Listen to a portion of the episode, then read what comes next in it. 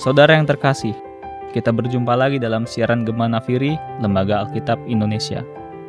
Kita ingin merenungkan bersama firman Tuhan yang diambil dari Perjanjian Baru, Lukas pasal 19 ayat 11 sampai 27. Demikian firman Tuhan. Untuk mereka yang mendengarkan dia di situ, Yesus melanjutkan perkataannya dengan suatu perumpamaan.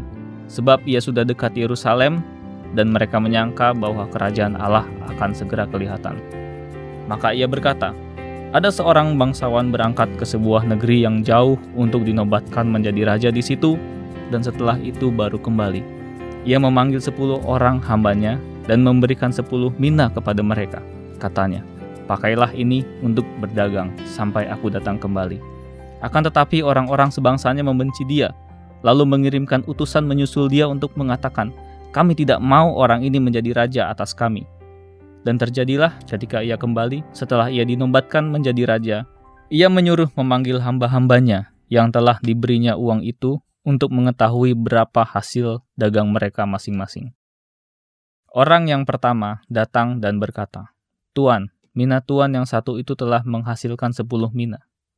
Katanya kepada orang itu, Baik sekali perbuatanmu itu, hai hamba yang baik, Engkau telah setia dalam perkara kecil, karena itu terimalah kekuasaan atas sepuluh kota. Datanglah yang kedua dan berkata, Tuan, mina Tuan telah menghasilkan lima mina, katanya kepada orang itu, dan engkau kuasailah lima kota. Dan hamba yang ketiga datang dan berkata, Tuan, inilah mina Tuan, aku telah menyimpannya dalam sapu tangan, sebab aku takut akan Tuan, karena Tuan adalah manusia yang keras. Tuan mengambil apa yang tidak pernah Tuan taruh dan Tuhan menuai apa yang tidak Tuhan tabur. Katanya kepada orang itu, Hai hamba yang jahat, aku akan menghakimi engkau menurut perkataanmu sendiri. Engkau sudah tahu bahwa aku adalah orang yang keras, yang mengambil apa yang tidak pernah aku taruh dan menuai apa yang tidak pernah aku tabur. Jika demikian, mengapa uangku itu tidak kau berikan kepada orang yang menjalankan uang? Maka sekembaliku aku dapat mengambilnya serta dengan bunganya. Lalu katanya kepada orang-orang yang berdiri di situ, Ambillah mina yang satu itu daripadanya, dan berikanlah kepada orang yang mempunyai sepuluh mina itu. Kata mereka kepadanya, Tuan, ia sudah mempunyai sepuluh mina. Jawabnya, Aku berkata kepadamu, setiap orang yang mempunyai, kepadanya akan diberi. Tetapi siapa yang tidak mempunyai, daripadanya akan diambil, juga apa yang ada padanya. Akan tetapi semua seteruku ini, yang tidak suka aku menjadi rajanya, bawalah mereka kemari dan bunuhlah mereka di depan mataku. Saudara terkasih, perumpamaan tentang uang mina disampaikan oleh Yesus ketika ia berada di kota Yeriko. Pada saat itu baru saja terjadi pertobatan dari Sakeus yang memberikan setengah dari hartanya untuk orang miskin dan mengembalikan milik orang yang telah ia peras sebanyak empat kali lipat. Ketika Yesus masuk ke dalam rumah Sakeus, banyak orang yang melihat dan tidak senang dengan peristiwa tersebut. Perumpamaan ini disampaikan oleh Yesus kepada para pendengarnya ketika masih berada di rumah Sakeus. Judul perikop pada pembacaan kita kali ini adalah perumpamaan tentang uang mina. Mina adalah ukuran timbangan sebesar 50 sikal atau kurang lebih 570 gram. Dalam zaman perjanjian baru, mina adalah mata uang senilai 100 dinar.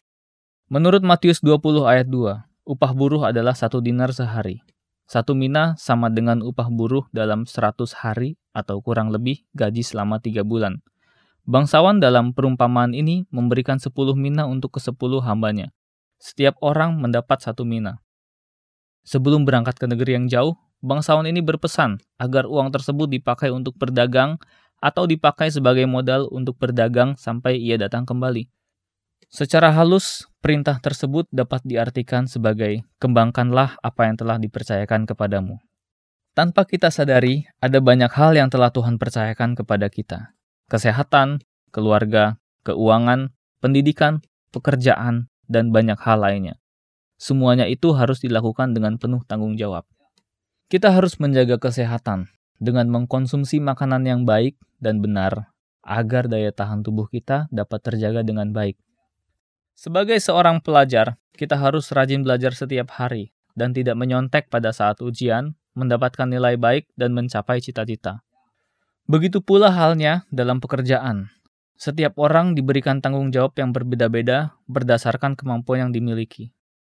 Bangsawan dalam perumpamaan ini hanya meminta agar hambanya mengembangkan apa yang telah ia berikan sampai ia pulang kembali setelah dinobatkan sebagai raja.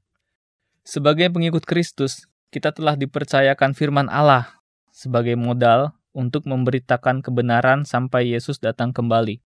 Seperti dalam Matius 28 ayat 19 sampai 20 yang berbunyi sebagai berikut.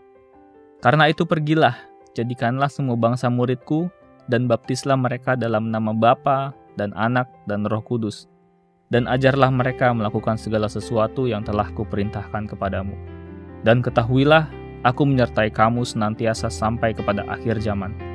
Itulah tanggung jawab yang diberikan kepada orang percaya. Setiap orang percaya dituntut untuk memberitakan Injil dari apa yang mampu dilakukannya. Upah yang didapat pun bukan sembarangan, yaitu kehidupan kekal. Saudara terkasih, mari kita selalu memberitakan kebenaran firman Tuhan yang telah dipercayakan kepada kita dengan melakukan apa yang dapat kita lakukan.